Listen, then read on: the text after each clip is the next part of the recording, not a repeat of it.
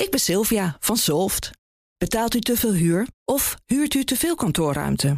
Solft heeft de oplossing. Van werkplekadvies, huuronderhandeling tot een verbouwing, wij ontzorgen u. Kijk voor al onze diensten op soft.nl. Auto-update. Met Jorn. Lucas, goedemorgen. Want ja, Hi Bas. we moeten even iemand feliciteren. Want eh, onze Nout, die maandag hier zit, die is net papa geworden gisteren. Dat is mooi. eh, gefeliciteerd nou. Ja, vind ik ook. Van deze kant eh, gefeliciteerd. Maar Jorn, heel fijn dat jij eh, bij ons bent. Je stuurde een prachtig mooi plaatje van Alpine. En die gaat een elektrische vierzitter maken. Die nieuwe A110 die ze een paar jaar geleden lanceerden... vanuit het Franse, Noord-Franse Dieppe. Eh, eigenlijk een beetje een, een remake van de oude A110. Die krijgt dus nu een, ja, een soort grote broer erbij. Vertel. Ja, nou ja, en het is, eh, die A110 is een remake van vroeger. En deze, Mhm. is de A310, is eigenlijk ook een remake, een revival van de Alpine van destijds met dezelfde naam. En, eh, dus ze gaan het eigenlijk een trucje herhalen. We zijn eigenlijk allemaal fan van die huidige A110. Eh, eh, we weten ook al dat er veel meer aangekomen. Dat is allemaal met name eh, eh, elektrische, elektrische auto's, allemaal elektrisch aangedreven. En dus wordt deze A310 ook elektrisch aangedreven. Een 2 plus 2 sportwagen, net als de Porsche 911. Dat ook is, zoals jij heel goed weet. Ja. Eh, voor een, een, een hele lichte, snelle auto voor twee volwassenen en twee hele kleine kindjes.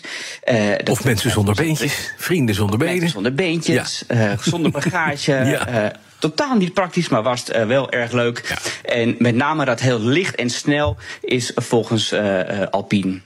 Heel belangrijk. Het Britse autoblad Autocars heeft daarover geschreven. Die hebben ook met de marketing director gesproken. Nou, we weten ook dat marketing vaak, eh, zeker in combinatie met auto's, een tikkie prietpraat is. Maar goed, het gaat hier dus om licht en snel in combinatie met batterijen. Vind ik dat knap, eh, want die zijn vaak zwaar. Mhm. Ja. Maar goed, ze gaan, het, ze gaan ervoor. En deze, dat plaatje wat ik je stuurde is wel een artist impression van het blad zelf. Ja, ja, oké. Eh, moet maar even kijken of het echt daadwerkelijk gaat worden. Hm. Maar als je hem naast die oude 310 zet, lijkt het er wel op. En eh, mijn persoonlijke mening, ik vind hem er wel chic uitzien. Ik ook. Hij lijkt inderdaad erg op die oude. Dat was een, dat was een best geslaagde, geslaagde automobiel, dat kunnen we stellen.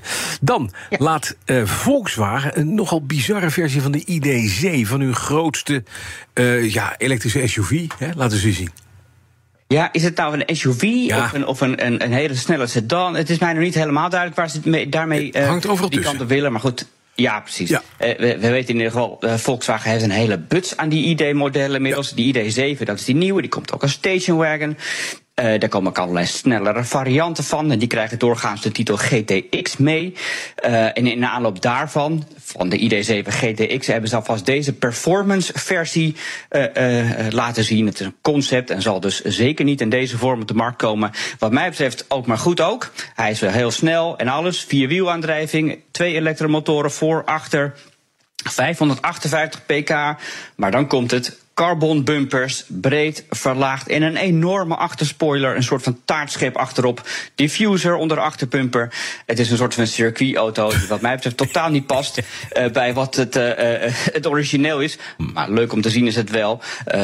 Dit gaat niet zo komen. Die GTX-versie die komt er wel. Wanneer? Maar dat zal over een paar maanden wel duidelijk worden. Oké. Dan naar Maserati. Dat pracht, ik vind het wel een mooi Italiaans merk. Zo mooi, zo Ja, mooi, zo mooi. Maar die herzien hun line-up. Wat gaat er gebeuren? Alles Nou, elektrisch? Nee, hè? heel veel- Ja, nou, Ja? het is mij nog niet helemaal duidelijk. Ik denk Mhm. dat het eh, deels elektrisch en ook gewoon eh, benzine aangedreven Ja, ja. zal gaan worden. Er wordt in ieder geval flink gesneden in de mo- modellen en het motorenaanbod. De huidige V6 en de achtcilinder die gaan eruit. Hmm. En voor die V6 er komt er wel een andere. Het is dezelfde V6 die in die MC20, dat is die hele snelle, motor. Een soort van. Mhm. hypercar eh, die is gebouwd. Die, eh, die, die V6 komt dan wel weer terug. De Ghibli, die, die kleinere sedan, die gaat er helemaal uit. Ach. En dat mogelijk gaat het ook weer gebeuren met die Quattroporte, die grotere sedan. Hele chique mooie auto. Mooie auto, ja. Hoewel er ook weer weer verhalen gaan dat die dan in 2025 terugkeert.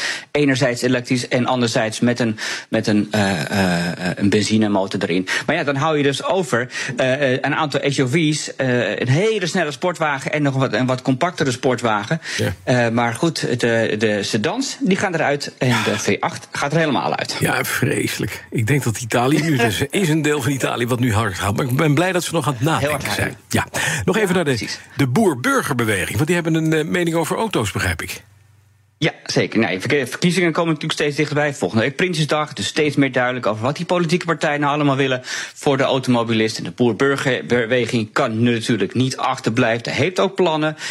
Enerzijds zeggen ze, auto moet uit de binnenstad. Denk aan milieuzones, dat gaat allemaal nu wat te snel. Maar goed, uiteindelijk zeggen ze, ja, milieuzones, auto uit de binnenstad. Er moet een nationaal beleid komen voor betaald parkeren. Die verschillen zijn nu nog te groot. Moet je denken aan parkeervergunningen die er nu gelden, al dat soort zaken. Maar ik denk dan, maar ja, in de achterhoek zijn de parkeerproblemen natuurlijk ook wel weer totaal anders dan op de gracht in Amsterdam. Dus dat is niet met elkaar te vergelijken. Maar goed, zij willen een soort van nationale aanpak uh, om dat uh, wat gelijk te trekken. En een ander punt is de maximumsnelheid op de snelwegen. De uitstootwinst uh, sinds we maar 100 mogen rijden op snelwegen, dat is een nihil. En dus zegt de BBB op minder drukke snelwegen in principe gewoon terug naar 130. Ja. Nou, dat wordt wat met die trekkers dan om, allemaal op de weg als die worden gemobiliseerd. Je weet het niet. Uh, heel kort nog eventjes naar Elon Musk, want die blijkt, nou dat wisten we eigenlijk al, een maniacaal ondernemer. Ja, nou, dat blijkt allemaal uit de biografie van Elon Musk. Die komt binnenkort uh, uit en er zijn allemaal al voorpublicaties van verschenen... waar verschillende media over schrijven. Nieuwsuur, NOS heeft ook uh, daarover gepubliceerd. We hebben met de biograaf gesproken. Het gaat om Walter Isaacson. Die heeft ook uh, Steve Jobs en Albert Einstein gedaan. Musk kennen we natuurlijk achter de man achter Tesla, SpaceX, Twitter, X... Uh, hij is als de rijkste man ter wereld, uh, uh, pionier, innovaties, maar ook de man achter veel mislukkingen en gebroken beloftes. we rijden nog steeds niet zelfstandig, autonoom is een, maak mij er maar af. Mm -hmm, een droom, altijd. Een droom. Eeuwig, de Cybertruck ja. is er ook nog steeds niet. dus al dat soort dingen, het past een beetje bij hem verhaal. Isaacson heeft Musk twee jaar lang gevolgd en hij spreekt over een ongemakkelijk contact tussen beiden. Musk zelf zegt dat hij het autisme-stoornis Asperger zou hebben, mogelijk bipolair is. Uh, hij heeft in ieder geval een heer autocratische leiderschap, mogelijk gevolg van zijn jeugd in Zuid-Afrika, waar hij een heel keiharde opvoeding heeft gekregen van zijn vader. Uh, hij sindsdien kampt hij met demonen en stemmingswisselingen, zegt zijn biograaf. Maar hoe dan ook, het is een bijzondere man, maar ook met een aantal mislukkingen achter zijn, uh, zijn naam staan. Ja, hij is toch een beetje een gekkie ook af en toe. Dat blijkt ook uit ja, dit boek, begrijp ik. Hè? Maar geniezen zijn ook Geniale gekkies, ja, die hebben we toch nodig om deze wereld in beweging te krijgen. Dankjewel, Jor Lucas. De auto-update wordt mede mogelijk gemaakt door Leaseplan.